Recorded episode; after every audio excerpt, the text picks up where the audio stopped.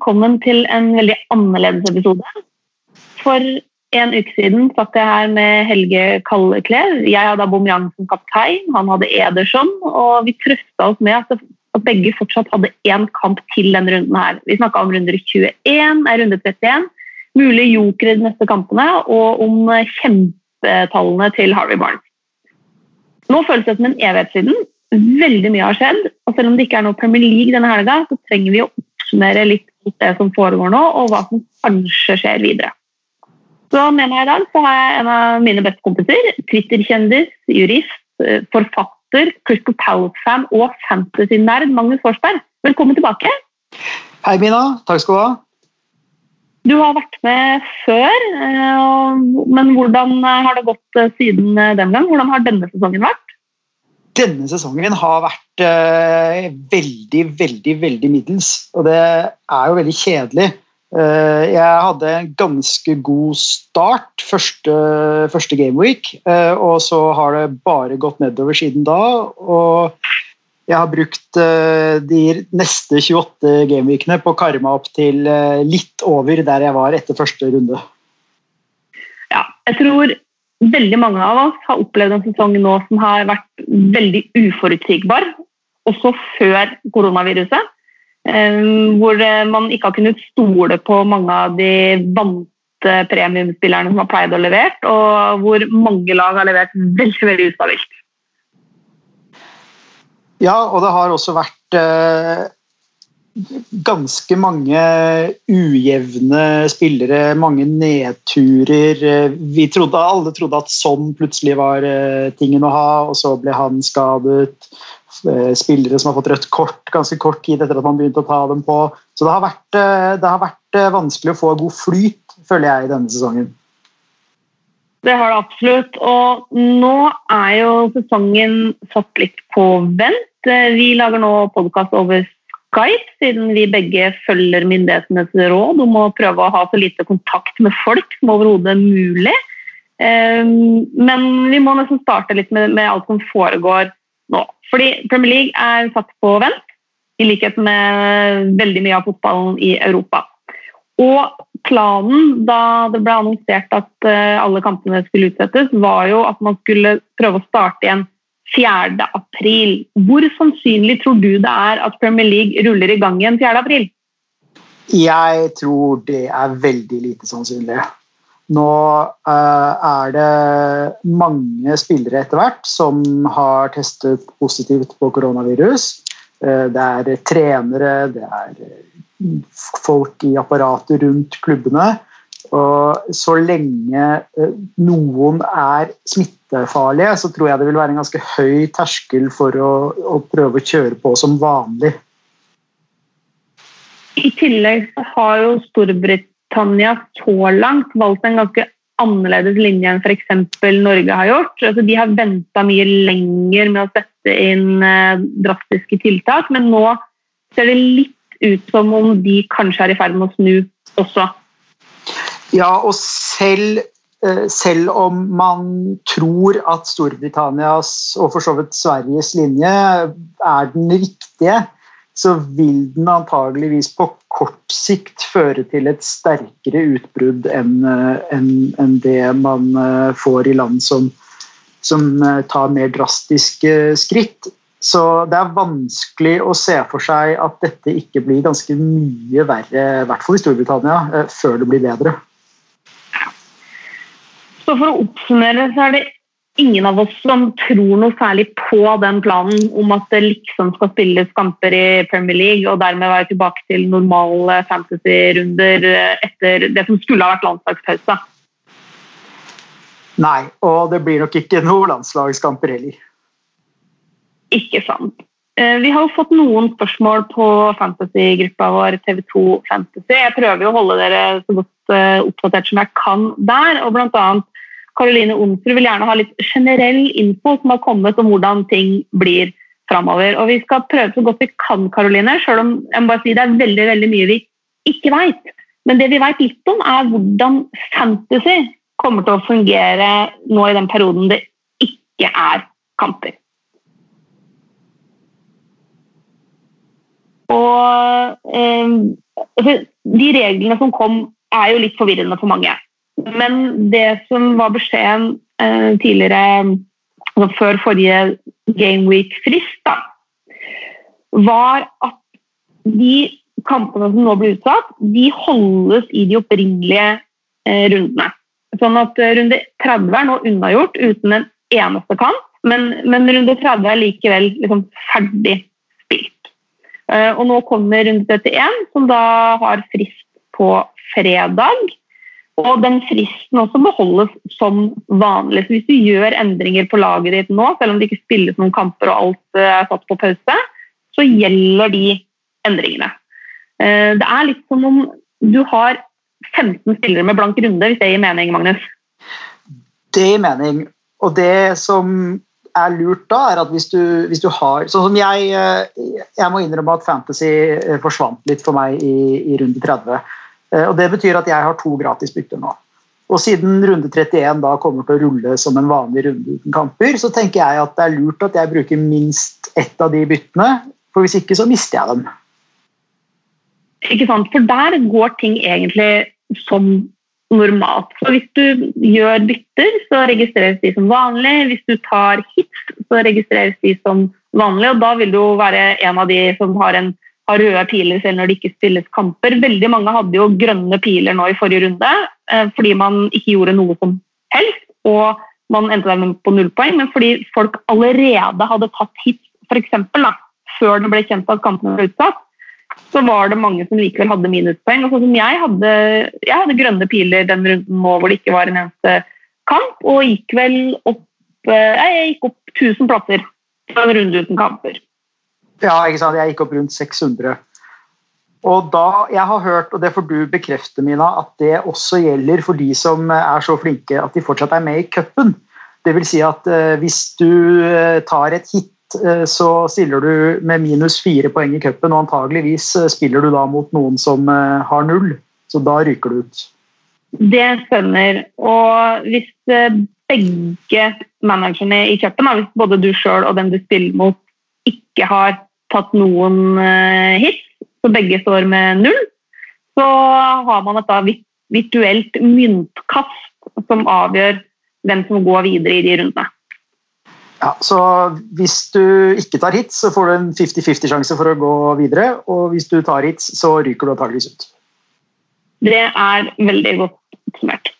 Det er jo veldig kjipt for de som f.eks. allerede hadde aktivert free hit eller wildcard i runde 30, fordi da har du også mista de tipsene og får dem heller ikke tilbake. Så vær forsiktig så du ikke liksom kommer borti noen av de knappene nå. Fordi da har du ikke dem til å bruke senere. Og i tillegg så er det sånn at altså Premier League har jo en plan og et ønske om å få spilt de utsatte kampene seinere, men der må vi på en måte bare vente og se, se hva som skjer. Eh, og vi har bl.a. fått spørsmål, spørsmål fra Edvard Tollefsrud, som sier dersom sesongen blir gjennomtatt, er det mulig at vi får se noe så crazy som tre eller fire doble runder? I så fall regner jeg med at tommelfingerregelen eh, for når man bør ta hit, kastes på dynga over natta.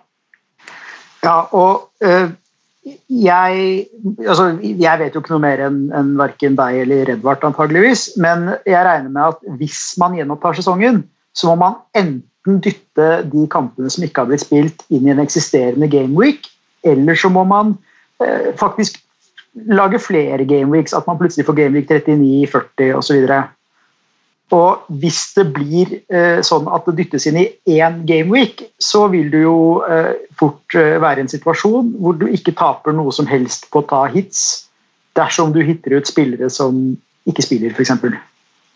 Ja, og det er bl.a. en modell som har blitt diskutert i Italia. At man eh, spiller kanskje altså kamp sånn hver tredje dag i en periode for å få ferdigspilt eh, runder. og da får vi jo potensielle sånne trippelrunder. F.eks. i mai, da, hvis det er eh, sannsynlig at man kan klare fotballkamper igjen i mai. Eh, en, et annet alternativ er jo at eh, det strekkes utover sommeren. Men da er vi nok mer på det alternativet du skisserer med at vi får eh, Gameweek 39 og Gameweek 40 osv. så Eh, så vil det jo være sånn at sannsynligvis så, så, vil veldig veldig mange lag da ha dobbeltrunder og trippelrunder. Sånn at eh, man vil kunne velge ganske fritt mellom lag, og kan jo potensielt få runder med veldig høy score. Og så er det jo viktig å si da at hva som skjer med fantasy, er jo veldig avhengig av hva som skjer med, med fotball på ordentlig. Og der har både FA og Uefa ikke vært veldig raske og handlekraftige så langt.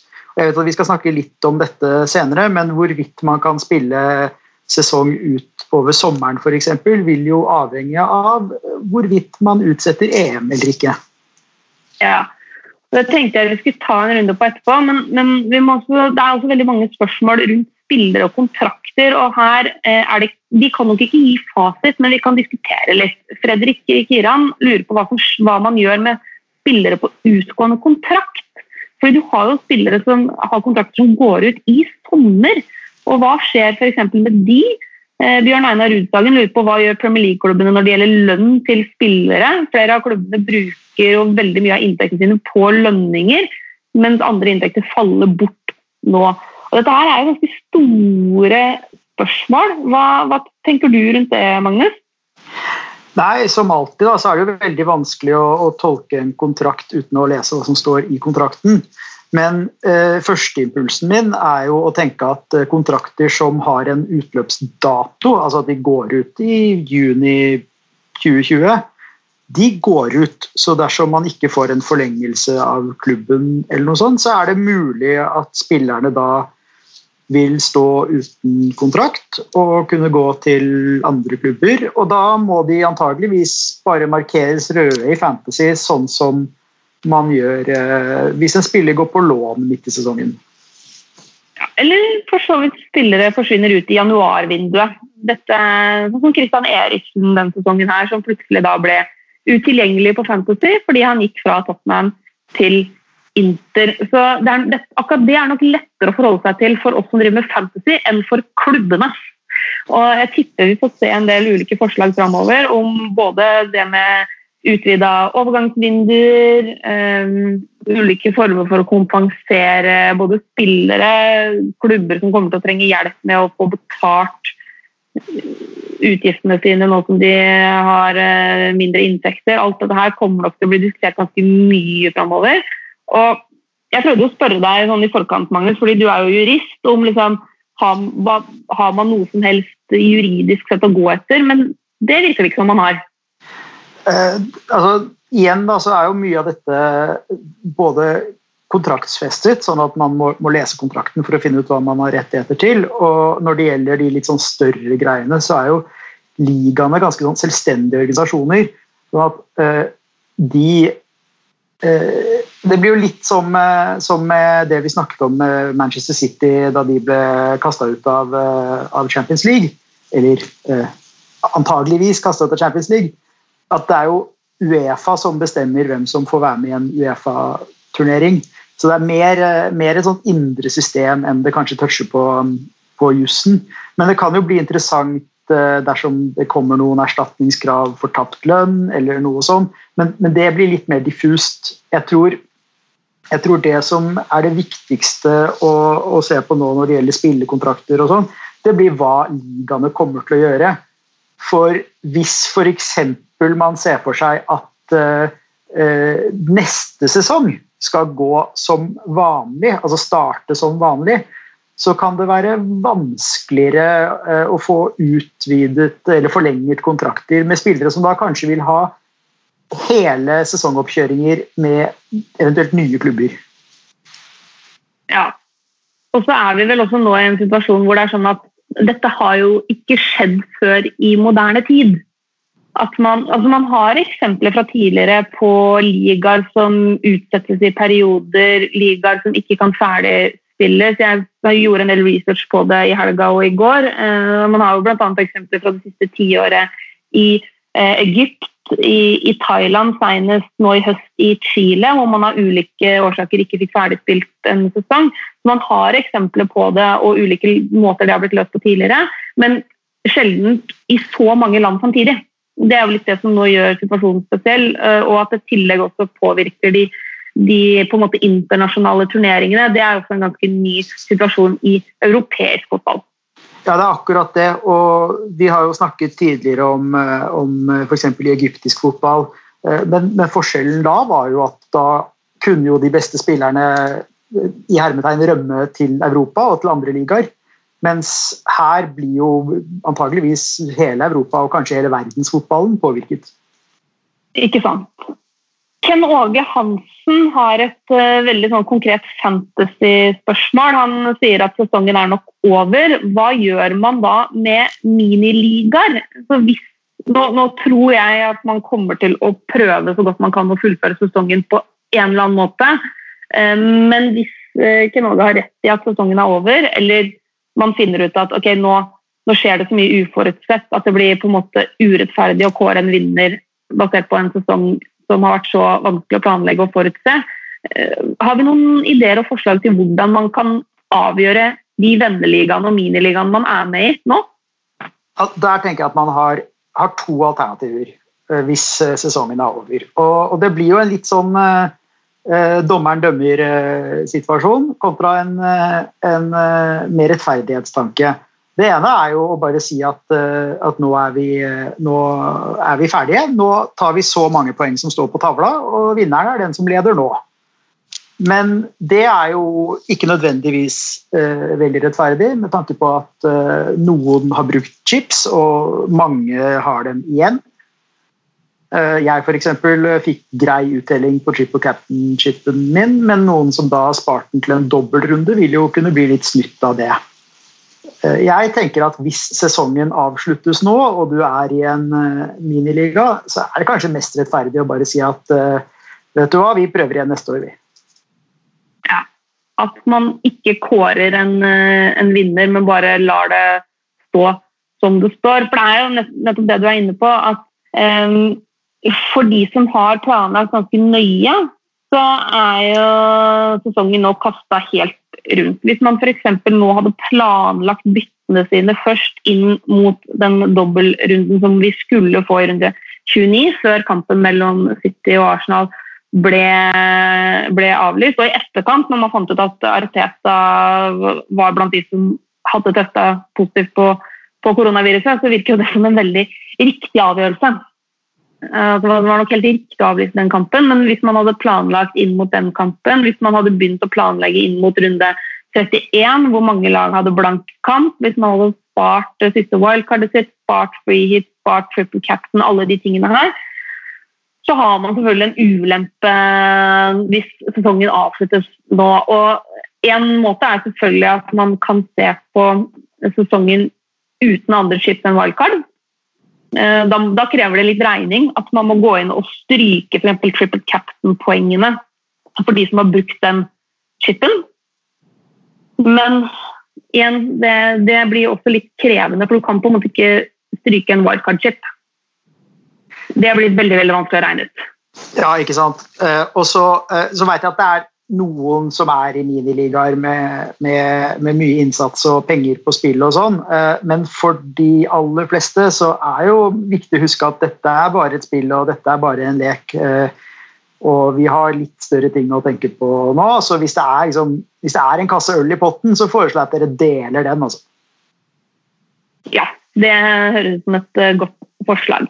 Vi har jo også fått en del spørsmål om liksom, fotballen i et større bilde. Bl.a. Joakim Gunnar, som uh, skriver at uh, liksom siterer Sources say decision on delaying Euro 2020 by a year will come tomorrow, altså i dag. Uh, Premier League expected to be finished in the period Euros was set to take place. Altså, og Hvis dette viser seg å stemme, hva synes vi om det? Altså, det, det kom ut i går kveld kilder som mente at de visste vite at Uefa i dag, når de møtes, kommer til å bestemme at EM 2020 blir utsatt, og at Premier League og da andre europeiske ligaer også da forhåpentligvis kan fullføres i sommer. Hva tenker du om den løsninga? Eh, jeg tenker at det ser vel kanskje mer og mer sannsynlig ut. Jeg vet ikke om du fikk med deg eh, For noen dager siden så gikk, eh, var hun visedirektør i Westham, Karen Brady, ut og eh, foreslo, tror det var på Twitter, at, eh, at man bare skulle annullere sesongen. Eh, og det fikk veldig negative reaksjoner. Så det virker som om eh, målet og tanken, og alle er veldig innstilt på å prøve å spille ferdig denne sesongen. Og det vil jo ta tid, og den tiden har vi strengt tatt bare i sommer. Så jeg tror at uh, det er ganske sannsynlig at de kommer til å i hvert fall uh, si at de ikke blir EM i sommer. Og så spørs det jo litt, da, fordi hvis man flytter det til neste sommer, da skal det vel egentlig være eh, dame-EM. Skal den flyttes skal den flyttes et ytterligere år, eller skal de ha dame- og herre-EM sammen? Det er ikke sikkert det er så bra for seertallene. Så eh, jeg tror det er i hvert fall lurt å ikke ha EM i sommer, men så får vi jo se eh, hvor de legger det, da. Ja, og Noen snakker også om at man kan ha EM 2020 i desember. Men hvis målet er at man skal kunne starte sesongen som normalt til høsten, så løser jo det ikke egentlig problemet, men snarere skaper da nye problemer i den perioden. Så det er alle, altså alle løsninger har utfordringer her. Eh, og jeg sa det vel allerede forrige uke at nå handler det om å finne de minst dårlige løsningene, fordi ingen løsninger er perfekte nå. Og jeg tror den minst dårlige løsninga er å utsette EM, sånn at man får en mulighet til å spille ferdig sesongene i sommer. Og så går det kanskje an å tenke at man har to mesterskap etter hverandre. Eh, altså kvinnenes EM og herrenes EM. At de på en måte går At man får en egentlig hel sommer med fotball. Det hadde jo ikke vært det verste, det heller. Altså, jeg tar eh, det, altså. Ja, og spesielt eh, nå når det ikke er så mye livefotball, så kjenner jeg det at eh, tanken på to måneder med mesterskap egentlig virker ganske ålreit. Um, og Per Christian Eggen Mjøs er også liksom inne på noe av det samme. Han lurer på om vi vet noe om når det tas en avgjørelse for hva som skjer med resten av sesongen. Og han lurer også på hva vi mener er det beste. Og Det også henger jo sammen, veldig sammen med den avgjørelsen som kommer fra Uefa i dag. Fordi inntil Uefa har klart å bestemme seg for hva de gjør, så er det veldig, veldig vanskelig for Premier League, La Liga, Serie A, Bundesliga og andre ligaer å legge en plan på hva de skal gjøre hvis det ikke kan spilles fotball i april. Nettopp. Og uh, da må vi bare presisere at vi vet at Uefa har et, uh, en videokonferanse om dette i dag, men vi veit ikke når. Uh, og vi veit i hvert fall ikke hva de kommer til å komme fram til. Nei, og som vi var inne på i stad, Uefa har jo ikke akkurat vært liksom tydelige i sin kommunikasjon så langt. Eh, og det er jo også veldig mye usikkerhet rundt hva som f.eks. skjer med Champions League og Europa League, når det kan fullføres. Og det er også en del av bildet som gjør at det er ikke så lett å bare si ok, men da sier vi at sesongen slutter nå, Liverpool vinner. Vi er alle enige om at liksom ingen Det er vi jo alle enige om, at ingen kan ta inn Liverpool. Teoretisk sett kan jo Manchester City ta dem igjen, men det hadde ikke kommet til å skje. Men problemet er jo hva gjør man med nedrykk, hva gjør man med Champions League-plassene, Europa League-plassene, hvor det er såpass tett. da. Eh, og det er jo sånn som f.eks. For, for et lag som, eh, som Aston Villa, da, som ligger på nedrykksplass, men som på ingen måte er liksom matematisk rykka ned, og som også har spilt én kamp mindre enn flere av lagene som ligger så vidt over streken. Så det vil jo være veldig veldig urettferdig å bare avblåse sesongen nå og si at ok, Liverpool vinner, tabellen står som den står. Da vil f.eks. Aston Villa komme fryktelig dårlig ut av det. Ikke sant. Og, og litt herfor fordi de, de, nasjonale ligaene har så stor påvirkning på inntekter, på hvem som spiller Champions League, Europaliga neste år, på hvem som rykker opp og ned, så tror jeg også at prioriteten for de fleste som, som sitter og har beslutningsmyndighet i fotball i dag, kommer til å være å få gjort ferdig de hjemlige ligaene. Så vet jeg at uh, Uefa driver og brainstormer muligheter for å fullføre Champions League Europaliga. det er, det er, Det er mye Det er reiserestriksjoner, det er lockdowns. Det, det er snakk om å kanskje at kvartfinale skal gå over én kamp istedenfor to. At man kan ha semifinalen og finalen spilt over en langhelg i samme by, sånn at man ikke slipper å reise. Men alt dette er veldig på tankestadiet. Det er veldig vanskelig å si hva som kommer til å skje. Ja, og jeg tror veldig mange nå sitter og prøver å tenke seg fram til eh, gode muligheter for å få fullført sesongene. Og det er klart det er fryktelig mye penger involvert i det for Uefa sin del også, med Champions League og Europa League. Eh, jeg syns det var veldig veldig rart at de insisterte på å f.eks. spille Europa League forrige uke, når man allerede visste at to av kampene ikke kunne spilles. Fordi det var altså Chetaffe nekta å reise til, eh, til Milano og møte Inter, naturlig nok, i og med at Milano lå midt i utbruddsområdet i Italia. Eh, Roma fikk ikke lov til å komme inn i Spania, de skulle egentlig møte Sevilla. så Man visste jo allerede forrige uke at det her kom til å bli nesten umulig å fullføre, men man pusha likevel gjennom å spille de siste kampene. Og det tror jeg handla om at litt at man ikke hadde innsett alvoret, og litt at det ligger veldig, veldig mye penger i potten for Uefa sin del. Ja, og så må vi jo huske at dette er ikke bare snakk om, om brød og sirkus og egoisme, og at, eh, og at, eh, vi alle elsker fotball og vil at det skal være mest mulig fotball på TV. Men det er ganske mange arbeidsplasser som påvirkes av at, eh, av at fotballen stopper. Det er ikke bare spillere og trenere, det er enorme apparater rundt dette her som blir påvirket. Selvfølgelig. Gøran Rokkan lurer på hva som skjer hvis sesongen blir spilt ferdig i et, eller mellom et transfer-vindu. så får man et ekstra wildcard da, og legger til at man skal vel sitte stille i båten nå. Og Det blir jo ikke noen stille i båten-spalte i dagens episode, men han har jo helt rett i at nå, nå er det bare å sitte stille i båten, fordi det er såpass mye som er uklart. Og hva som skjer hvis man får et overgangsvindu samtidig som er fantasy-runder, om det gir ekstra wildcard, det veit jeg ikke. Og det tror jeg heller ikke at de som styrer fantasy, veit ennå.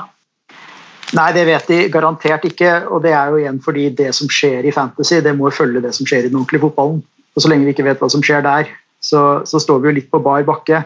Eh, men som vi var inne på tidligere, da, Gjøran, så ja, du skal sitte stille i båten, men ikke så stille at du trenger å miste byttene dine. Det er en god anledning for å Eh, for å ta noen veldig risikofrie bytter nå og rydde opp litt i laget sitt.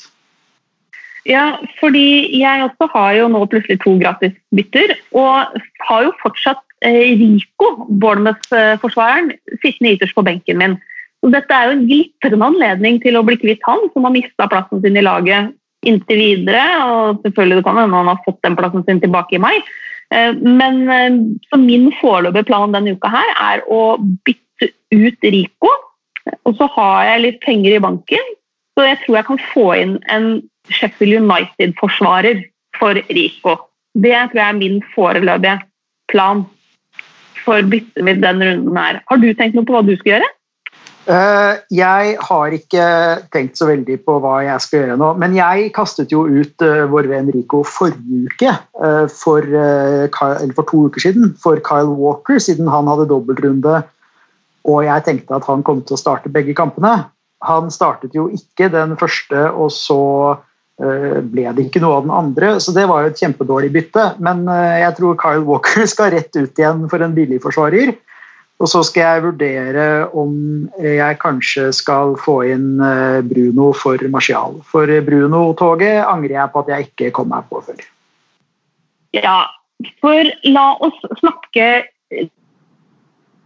litt fantasy også. Det er jo mange som eh, i karantene eller holder seg mest mulig hjemme, som er bra at dere gjør, fordi det er den, det vi har fått beskjed om å, å, gjøre. Så fortsett med det. Men vi kan jo snakke litt ordentlig fantasy også. Eh, og både tenke litt hva vi gjør nå, men også prøve på en liten oppsummering. Og Et av spørsmålene jeg tenkte å stille deg, er litt sånn Hvem har vært the one that got away denne sesongen her? Eh, hvilke spillere er det vi angrer mest på at vi ikke klarte å hive oss på tidlig nok. Bruno Fernandes, en av dine, Magnus? Ja, jeg tror eh, det blir, eh, det blir en tette løp mellom Bruno og Jimenez eh, for den One That Got Away-tittelen. Altså. der er det to spillere som på hver sin måte har, har straffet meg for å ikke ha dem i laget. Ja, jeg tok jo også inn Marcial istedenfor Bruno Fernandes. Angrer på det. Angrer også på altså jeg, har, jeg kom meg seint på Danny Ings-toget, selv om han er en av mine absolutt personlige favoritter i Premier League. Og så har jeg nå sittet på det toget i den perioden hvor han ikke har plukka noe særlig poeng. Det er veldig surt. Og så har jeg også um, vært litt sånn uheldig slash dum når det gjelder når jeg har hatt Jamie Vardy denne sesongen. her. Fordi ja. jeg har typisk solgt han før han har begynt å skåre masse, og kjøpt han før han har gått inn i perioder hvor han ikke har skåra noen ting.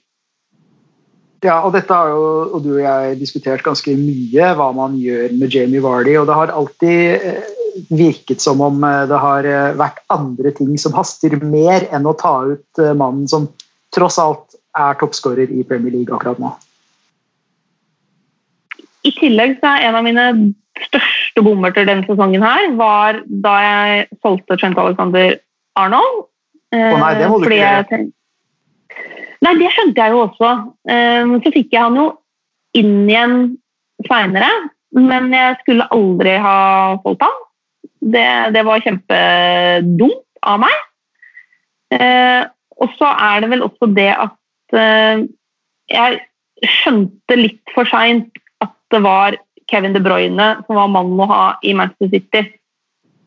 Det, det burde jeg ha skjønt før, og ikke liksom sitte der med Raheem Sterling, som kanskje er sesongens største skuffelse, eller? Ja, det har i hvert fall jeg skrevet ned på blokka mi her. At jeg er utrolig skuffa over hvordan det har gått med Stirling. Også viktig å si, også før han ble skada. Vi skjønner jo at han, eh, han, er påvirket av det. Men eh, etter det hat tricket hans i Gameweek 1, så tenkte jo eh, alle at her var det, her var det saft å få.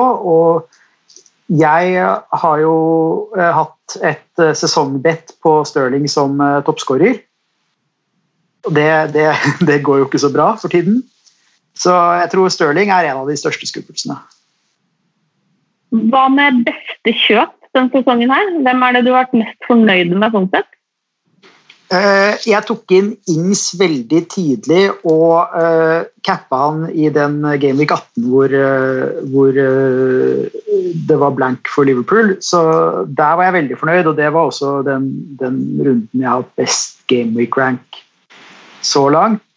jeg har vært ganske fornøyd med Suyunshu, at jeg har hatt han fra starten av.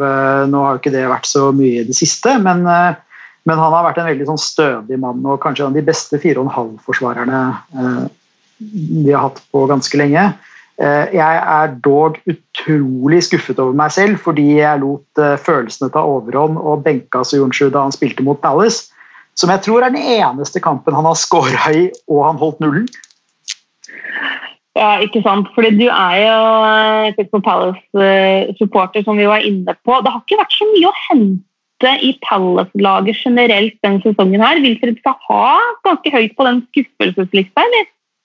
Saha har vært superskuffende, og det at Saha har vært i dårlig form, eh, gjør jo at eh, Luka Milivojevic, som mange også hadde fra starten av, har vært mye mer skuffende enn man trodde, for det har jo ikke blitt noen straffer å ta når det er sagt, da, så mener jeg at det har vært eh, verdi i, eh, i Palace-forsvaret. Både Gary Cahill til 4,5 og Vicente Guaita har vært eh, ganske gode alternativer når de har spilt.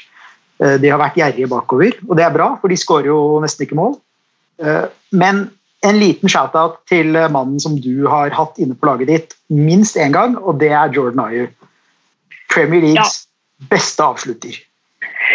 Fordi du og de aller, aller fleste andre mente at jeg var gæren da jeg tok inn eh, Jordan Ayu i eh, Det var vel i Game Week 9.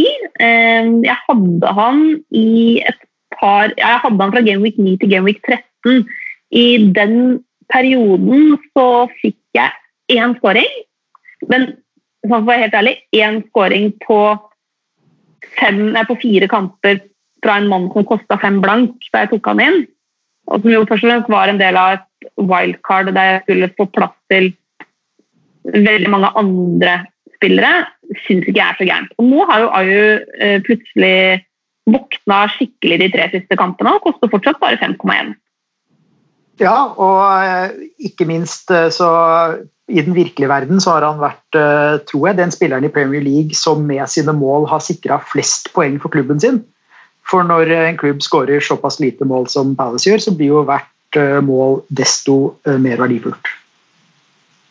Ikke sant.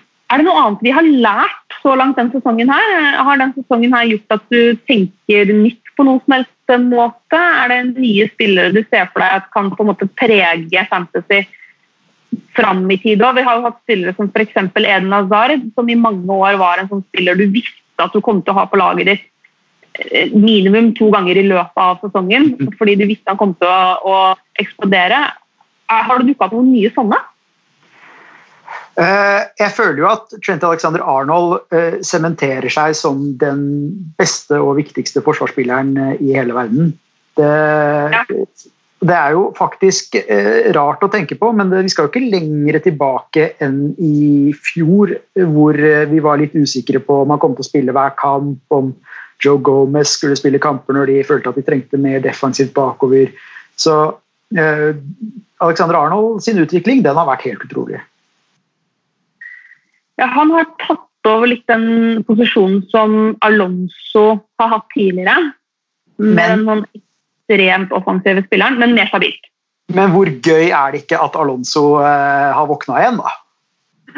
Det er veldig veldig morsomt. Jeg vet jo at uh, altså, uh, Ole Martin, som jo jeg vanligvis har denne podkasten sammen med når han ikke er i pappaperm, han kjørte jo da wildcard til Eh, runde 29, da den dobbeltrunden for City og Arsenal forløpte. Og da tok han inn Alonso, er jeg ganske sikker på. Eh, og Alonso, ja da, han tok inn eh, Alonso. Og Alonso, seks poeng i runde 29 ble det totalt, men det var jo den runden, de rundene før der hvor det liksom virkelig plutselig bare eksploderte med tre skåringer på to kamper og hele pakka. Og så syns jeg det har vært gøy å se at uh, Dominic Calvert-Lewin uh, gjør det så bra. Ikke bare fordi det er kjempegøy å ha en billig spiss som, som scorer mye, men også fordi han er en, en artig spiller å se på. Veldig.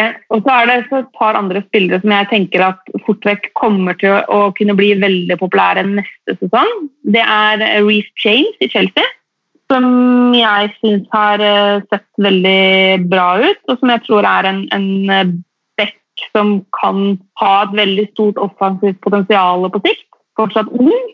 Uh, Tammy Abram har vært litt opp og ned, Mason Mount har vært litt opp og ned.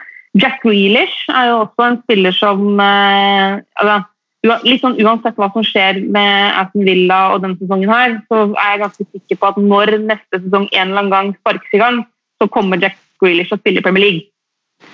Det eh, tror jeg nok. Han har vært utrolig lojal mot eh, Aston Villa, og det er beundringsverdig, men jeg tenker at eh, den lojaliteten er det vanskelig å se at overlever eh, et nedrykk til nå. Ja, eh, og eh, Bruno Fernandes tror jeg kommer til å bli en litt sånn Kevin De Bruyne-spiller. En litt sånn spiller som Christian Eriksen var har vært tidligere sesonger, enn du bare kan sette inn i laget ditt starten av sesongen. Og så vet du at det kommer liksom poeng jevnt og trutt. Kanskje ikke de største poengeksplosjonene, men jevnt og trutt. En David Silva, rett og slett? Ja, men med, med sikrere spilletid.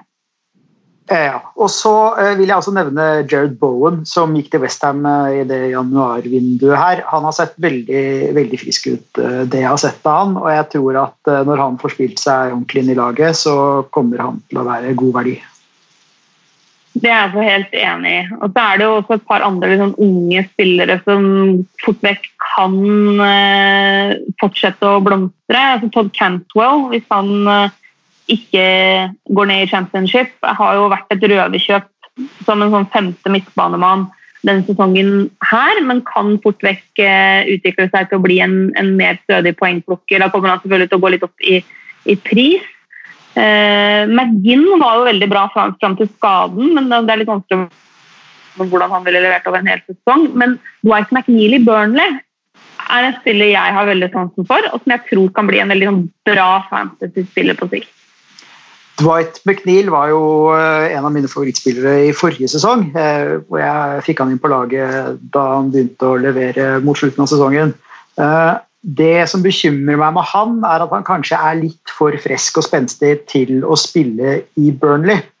Så hvis han, hvis han skulle komme seg i et litt mer spennende lag, så vil jeg tro at han er veldig aktuell. Så er det jo også noen spillere som kan bli veldig aktuelle hvis ligaen plutselig forskyves. Altså hvis eh, man sparker i gang igjen i mai, da, så er det jo en del spillere som kanskje er tilbake fra skade. Er det noen du eh, allerede har tenkt deg ut som sånn hm, Kanskje han er spilleklar igjen eh, når vi begynner på den? Altså, aller først og fremst så mener jeg at jeg leste nylig at uh, Min Son driver og trener. Og han er jo helt fantastisk. Veldig, veldig spennende. Og jeg tror uh, kanskje Mourinho trenger uh, at noen kommer og redder den klubben. Så er jo spørsmålet om Mourinho-viruset har spredd seg for mye da, innen, innen vi begynner å spille igjen. Og det rett og slett er så dårlig stemning i Spurs at det ikke er noe å tenke på. Men Hung Min Son har jeg veldig lyst til å se tilbake. I tillegg til det så gleder jeg meg veldig til å se eh, hva Marcus Rashford kan gjøre når han får pasningene sine fra Bruno Fernandes. Det er et veldig godt poeng. Det kan bli en, en ganske dødelig duo hvis de to først finner tonen. Foreløpig ser det ut som Bruno Fernandes og Juan Mata har blitt veldig gode venner ute på banen. og også uh, Martial har jo uh, Eh, noen flere muligheter med Bruno på plass. Men eh, med Rashford tilbake kan det bli kjempeinteressant. Harry Kane er jo også plutselig inne i miksen.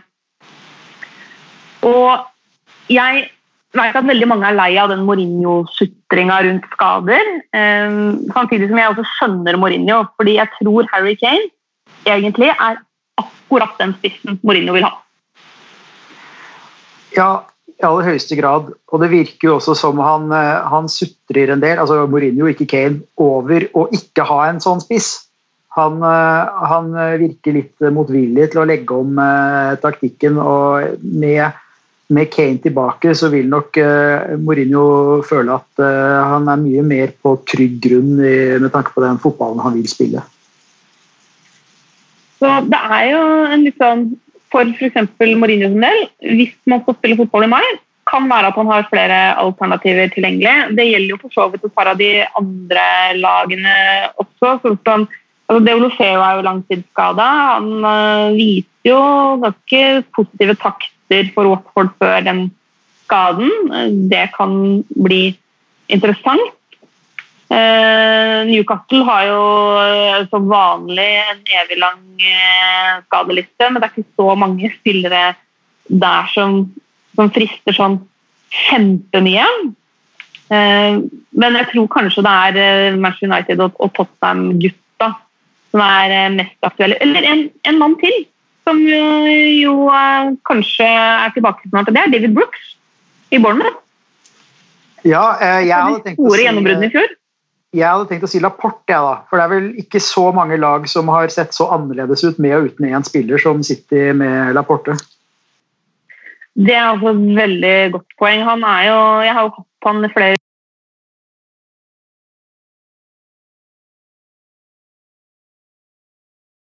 Manchester City blir så ekstremt mye mer solide defensivt når han spiller, og da er det mye potensielt poeng i han, og han er sikra spilletid i det som tross alt er Englands nest beste lag. Er det noen andre ting vi, vi, tenker at vi bør gå gjennom fra sesongen så langt på veien videre? Tja øh, Vi kan vel kanskje skryte litt av ungguttene til Arsenal mens vi er i gang. Det å se Saka og Nketia og Martinelli på topp der, det syns jeg har vært veldig moro.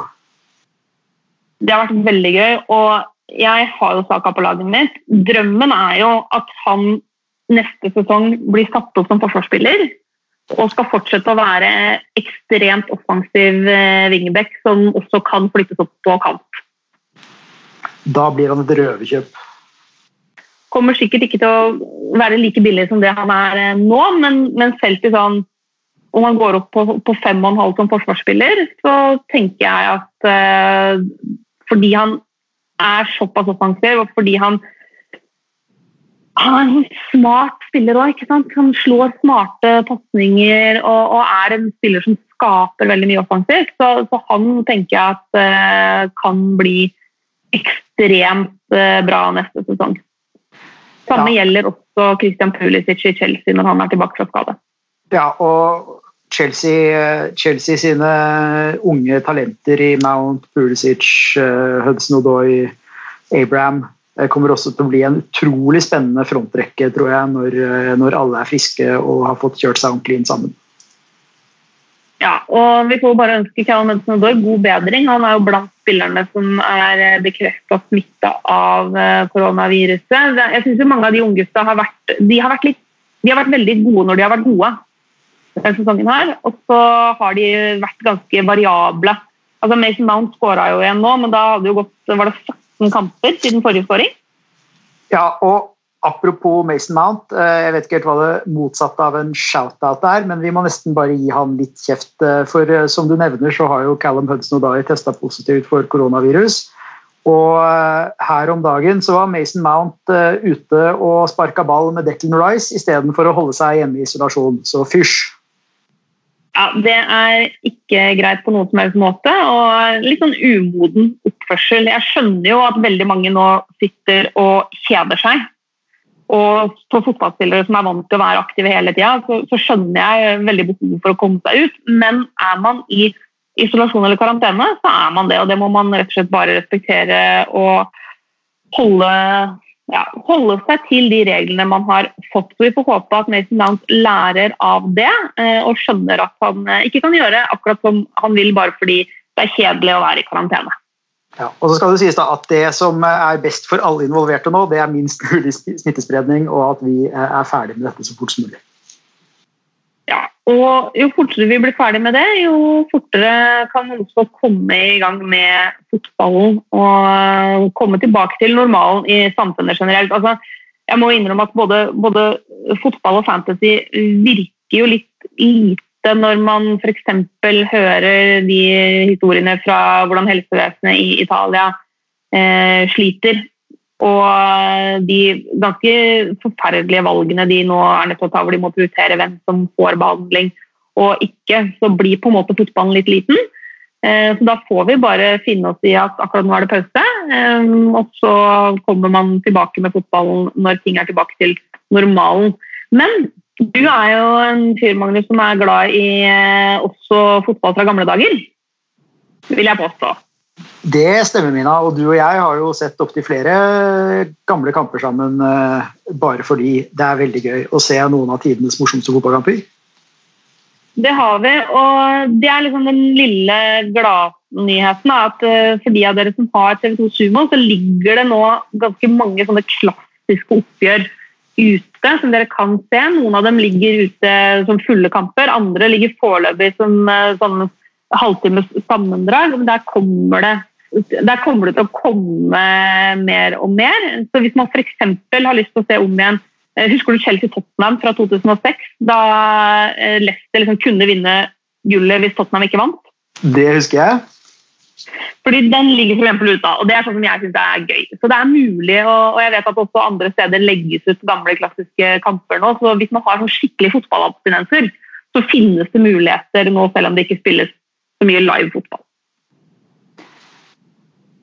Og Det anbefaler jeg absolutt å, å, ta en titt på, fordi eh, det er noe med å føle at ting er litt normalt igjen. Så det å åpne seg en liten øl og se en uh, fotballkamp du vet er artig, det kan være godt for både kropp og sjel. Ja, og få litt avbrudd hvis man nå kjeder seg og sitter veldig mye alene. Det er jo litt derfor vi ville lage en episode i dag også, fordi vi vet at uh, mange av dere har lyst til å å ha noe å høre på, og at uh, mange av dere sikkert også lurer veldig mye på hva som skjer videre. og Vi har jo som sagt ingen fasit, men vi kan jo i hvert fall synse litt rundt det og prøve å gjette oss fram til hva som skjer. Uh, og så skal jeg selvfølgelig si ifra når vi veit noe mer, da. Men uh, vi har vel at vi tror ikke at den eh, runden som skulle begynt 4. april, går som normalt.